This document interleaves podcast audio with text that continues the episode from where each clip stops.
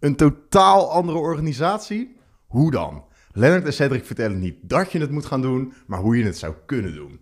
De podcast is opgenomen in de auto. Stap lekker bij zin. Hallo. Hallo allemaal. We gaan.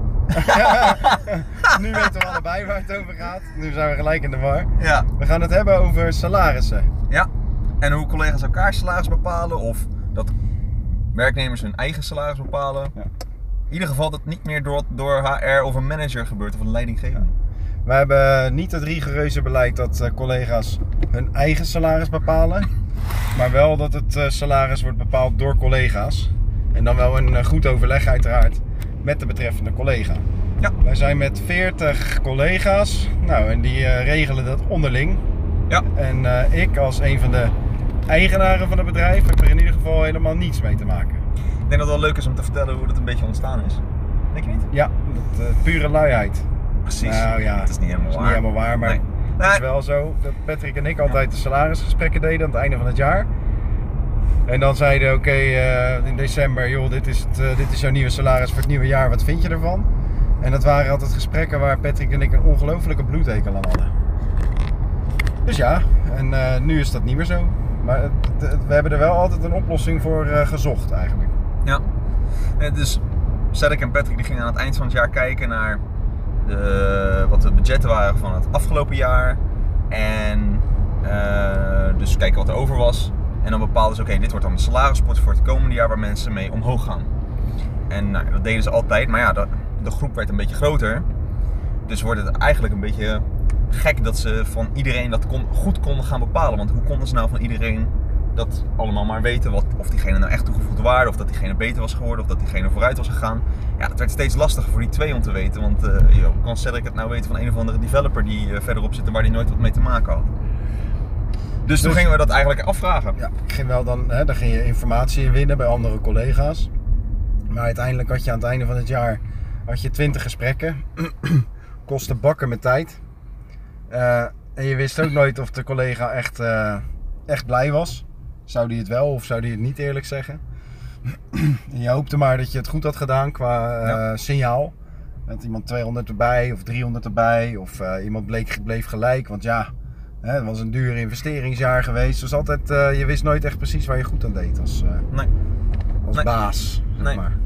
Nee, dus toen hebben we eigenlijk geopperd om het open te gooien en dat collega's elkaar salaris gaan bepalen. Gelukkig hadden we toen al het adviesproces. Gaan we waarschijnlijk nog in een andere podcast een keer over hebben. Nee, we hebben al een besluitvorming gehad. Ja. Over besluitvorming. Podcast, Ja. besluitvorming. Dan hoor je het adviesproces en dan hoor je dus eigenlijk ook een beetje wat hoe de manier, de manier is zeg maar, waarop we dit op een slimme manier eh, ja, kunnen gaan doen. En wat er dus eigenlijk ontstond was een commissie, een salariscommissie, of een voortgangscommissie wordt die bij, eh, bij Kito genoemd. En die gaan eigenlijk, doen eigenlijk precies hetzelfde als wat Cedric en Patrick eigenlijk altijd deden. Dus die gaan aan het eind van het jaar kijken naar het budget van eh, het afgelopen jaar, hoe goed het is gegaan. Bepalen ze een salarisbudget, maar dat doen ze op basis van het advies wat ze opvragen aan de rest van de collega's. En omdat in een commissie zitten er meer collega's en het liefst ook eh, ja, mensen die met alle disciplines in ieder geval dichter in contact staan. En zo kunnen ze dan ook daar advies aan vragen en dan hebben ze met die commissie een, ja, een duidelijk beeld van wat de salarispot gaat worden. Daar en dan zit- gaan ze verdelen. Daar zit bijvoorbeeld eh, Diana en Michael ook in. En Diana en Michael die hebben zich ook eh, meer ontfermd over financiële zaken dan, eh, Ja. dan, een collega. Ja.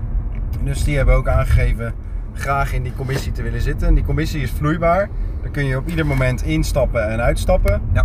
We zijn zo bestaat meerdere keren gewisseld ook van, eh, van samenstelling. van samenstelling. En als het over jezelf gaat, dan zit je er uiteraard niet in. Dat is, eh, dat is wel zo logisch. Ja. Ja. Ehm, En nou, dus wat ze doen is, wat wel interessant is, is dat ze dus, nee, ze kijken dus, ze zeggen oké, dit is het salaris, dus de salarispot. En die gaan ze verdelen en dat wordt niet op een communistische manier verdeeld van iedereen gelijk en we, eh, iedereen krijgt hetzelfde salaris. Hè? Dus er wel degelijk een verschil in salaris, want we zeggen we zijn niet, we zijn niet gelijk, maar we zijn wel gelijkwaardig. Dus dat betekent dat eh, er echt wel verschillen in salaris zitten, want sommige mensen voegen gewoon nou eenmaal meer toe dan anderen, of sommigen hebben meer ervaring, of sommigen hebben meer charisma, of sommige, dingen, sommige mensen pakken gewoon meer op. Maar je kijkt ook gewoon hoe zijn mensen vooruit gegaan. En de ene is meer vooruit gegaan dan de ander. Dus dan ga je het gat bijvoorbeeld meer dichten als iemand blijkt, ja, die eh, Pietje die doet het wel goed. Maar Shaki die liep ver achter op salaris. Maar die komt nu wel heel dicht in de buurt qua hoe die het werk doet eh, als Pietje. Dus we gaan Shaki eh, gelijk trekken of eh, in ieder geval het salaris ophogen dat het dichter bij elkaar zit. Daar wordt overal naar gekeken en dan komen ze met een nieuwe verdeling. En dat wordt dan bekendgemaakt en dat doen ze natuurlijk uiteraard op basis van advies. Ehm, en ze kijken ook gedurende het jaar naar nieuwe contracten.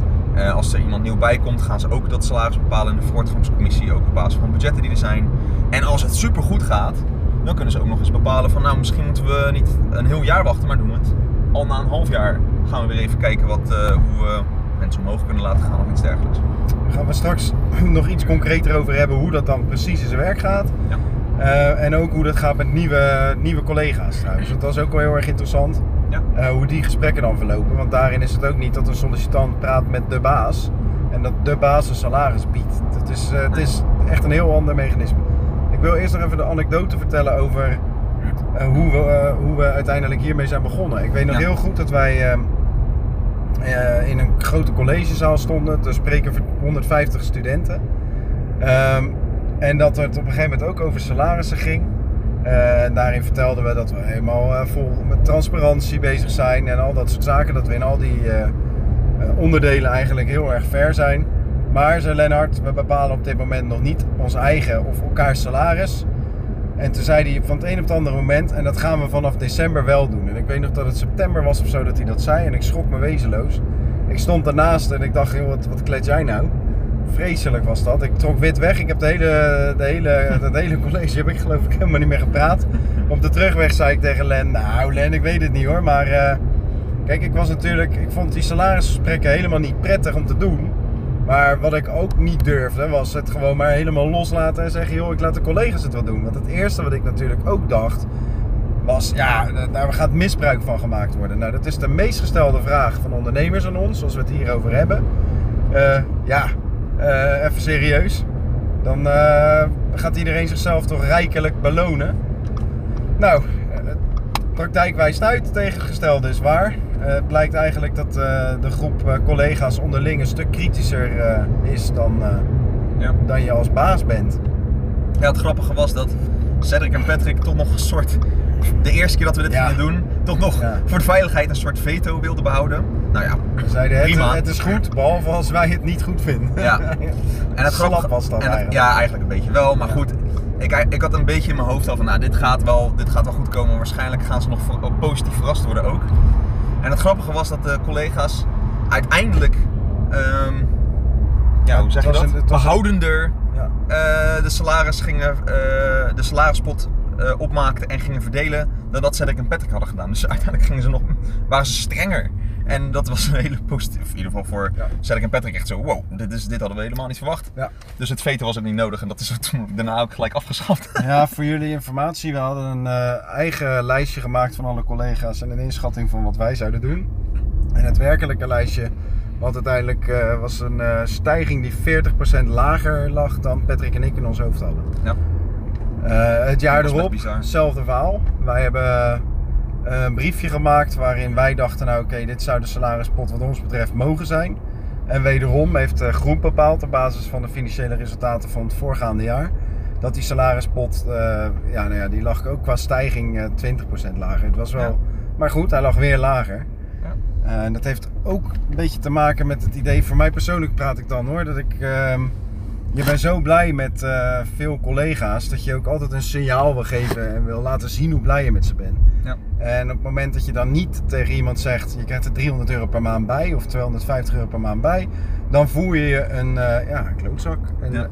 ehm, En hier is het onderling met collega's, dus gaat het meer om de soort eerlijkheid of de balans daartussen en ook hoe gaat het met de organisatie in zijn geheel. Ja. En dat is het mooie natuurlijk van dat collega's het salaris gaan bepalen met elkaar, om, omdat ze dan eh, nog meer baat hebben met het kijken naar de cijfers die er nu zijn.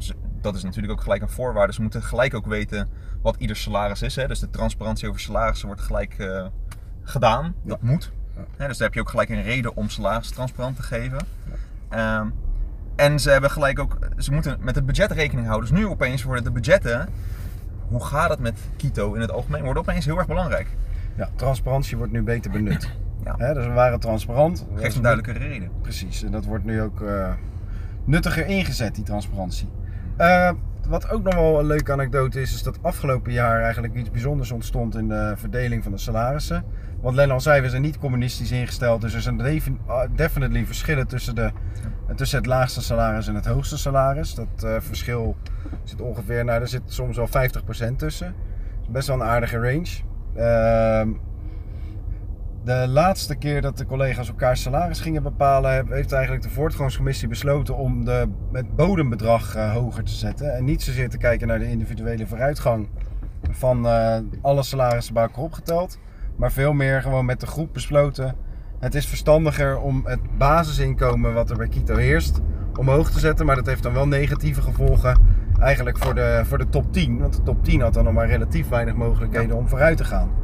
En eh, bijna de hele top 10 is daar eigenlijk logischerwijs mee, is daar, is daarmee in gaan stemmen. En die vonden dat een normaal beleid. Toen ik uiteindelijk zelf de eh, salarisverdeling zag, was ik heel erg verbaasd. Het was niet mijn keuze geweest. Maar het was wel het, het was een het beslissing die was genomen op basis van de lange termijn. Er zat een gedachte achter. Er zat een gedachte achter waarbij ze zeiden: joh, eh, het is voor het werven van nieuwe collega's en de eerlijkheid van de nieuwe collega's die net, ja, nou ja, er zat een gedachte. Ik, ik Ja, nee, dat was, het, de, eerlijk de zeggen. collega's stonden er in ieder geval ook met z'n allen achter. En dat was, eh, dat was natuurlijk ook wel fijn om te merken. Dat er, ja, er was draagvlak voor. Hè? Dus als, als een baas een eh, salaris gaat bepalen en eh, collega's krijgen het horen, dan kunnen ze zeggen, ja, nee, nee, dat klopt niet helemaal of weet ik het wat. Nu hebben ze het zelf bepaald, dus nu kunnen ze er ook niet over klagen. Anders had je in de voortgangscommissie moeten zitten en dan had je erover mee kunnen beslissen. Ja. Dus dat, was, eh, dat is denk ik ook een heel groot voordeel. Ja. Maar wat er bijvoorbeeld, eh, hoe, het, hoe het in de praktijk gaat. er, nou, er worden op regelmatige basis worden er nieuwe collega's aangenomen. Nieuwe collega's die geven eigenlijk aan van nou ja, dit verdien ik nu of dit zou ik willen verdienen. Er wordt ook gelijk uitgelegd, joh, wij bepalen onderling elkaar salaris. Daarin wordt ook verteld wat ongeveer de salariskoop is die er bij Kito is. En dat er dan door die voortgangscommissie eigenlijk wordt bepaald, oké, dit vinden wij dat die nieuwe collega waard is. En dan gaan jouw nieuwe collega's, die gaan eigenlijk bepalen, of hè, de, de bestaande collega's van Kito gaan eigenlijk aan de sollicitant voorleggen, dit bedrag hebben wij voor jou Ja. in ons hoofd. Ja. Ehm, voor de sollicitant is dat altijd wel even wennen. Er zit geen onderhandeling eh, echt Maar in. er zit ook nauwelijks onderhandelingsruimte in. Nee. Omdat collega's ook aangeven, joh luister, eh, als jij hier eh, goed presteert, dan wordt dat ook gewoon gezien door je collega's. En dan wordt het ook beloond door je collega's. Precies. Dus laten we het eerst gewoon eventjes aankijken met z'n allen. En dit is de start. Ja. Precies. Wat ook nog wel interessant is, is dat ook bij de jaarlijkse salarisverdeling wordt er ook niet onderhandeld. En daar is net ook een goede reden voor. Er zijn gewoon namelijk altijd collega's die beter kunnen onderhandelen dan anderen. En degene die in andere bedrijven, als je slechter kan onderhandelen, heb je vaker ook een lager salaris. En dat is eigenlijk heel erg zonde, want misschien zijn het juist wel degenen die superveel doen. Wat introvertere mensen misschien, eh, die... eh, mannen, vrouwen. Er is Ja. ook wetenschappelijk eh, aangetoond dat vrouwen minder goede onderhandelaars, tenminste. Ja. de- het salaris ligt onder andere ook lager, omdat vrouwen minder hard die salarisonderhandeling aanvliegen. precies. Bij Kito, ik ben er echt trots op om dat te zeggen, is, het geen, eh, is er absoluut geen verschil tussen man en vrouw. Sterker nog, ik denk dat de vrouwen bij ons gemiddeld beter zitten dan de mannen. Dat zou best wel eens kunnen. Dat zou best wel eens kunnen, ja. Het is wel transparant, maar ik heb geen flauw idee. Ja, er wordt, er wordt, er wordt eh, bij ons gewoon volledig op basis van prestaties beoordeeld, niet op basis van leeftijd bijvoorbeeld. Eh, er is geen continue doorgroeischaal, wat het ook wel best wel spannend maakt voor mensen. Want op het moment dat jij eh, 35 jaar bent en een eh, prima inkomen hebt, niets garandeert jou dat jij volgend jaar eh, datzelfde salaris of een hoger salaris hebt. Wat alleen nog wel een ding is, en ik denk dat het misschien wel goed is om dat even in een volgende podcast te doen, is dat mensen nog niet omlaag gaan in salaris. Dus ze gaan alleen maar omhoog, maar ze gaan nog niet omlaag. En dat vinden we ook niet helemaal eerlijk. Maar ik denk dat we daar even in een volgende podcast even lekker uit- uitgebreid over Ja. gaan eh, hebben. Want we gaan een, eh, waarschijnlijk misschien wel naar een nieuw soort systeem waar dat weer wel gaat Ja, gebeuren. maar er zijn bij enkele individuen al wel eh, wat, wat waarschuwingssignalen geweest. Waarbij er ook werd gezegd, joh, luister, je salaris van nu staat niet vast. Eh, en, en- en ik ben er ook van overtuigd dat die bij een volgende salarisronde echt wel een signaal zouden kunnen krijgen bij gelijkblijvend functioneren. Precies. Dus, eh, maar inderdaad, wat Len zegt. Wij zijn daar met een ongelooflijk innovatief model bezig. Die eh, staat ook in de MKB eh, innovatietop, weet ik veel. Ehm, daar gaan we jullie eh, in een aparte podcast van alles over vertellen. Dat wordt een, eh, Ja, als het aan mij ligt, een pilot. Als het aan jou ligt, gewoon keihard definitief rigoureus ingevoerd. Ja, in eerste instantie wel lekker pilot, omdat dat, die pilot alleen wordt heel erg... eh, Cliffhanger trouwens. Precies. Niet We gaan, het er, over hebben. we gaan het er lekker volgende keer over hebben, dus dan moet je lekker de volgende luisteren. Aparte podcast. Als jullie nog vragen hebben over eh, de manier van salarissen uitdelen of hoe je dat start of wat daarin handig is, vraag het ons. Ik denk dat we er best wel veel over hebben gezegd. Dus, eh, Ja. En nou, als wij... En eh, anders gaan we er lekker nog een keer andere keer op door. Ja, als wij op een gegeven moment een set aan interessante vragen hebben ontvangen, dan nemen we daar ook een aparte QA-podcast voor op. Dat was hem. tot zover. Dag! Doei allemaal! Doei.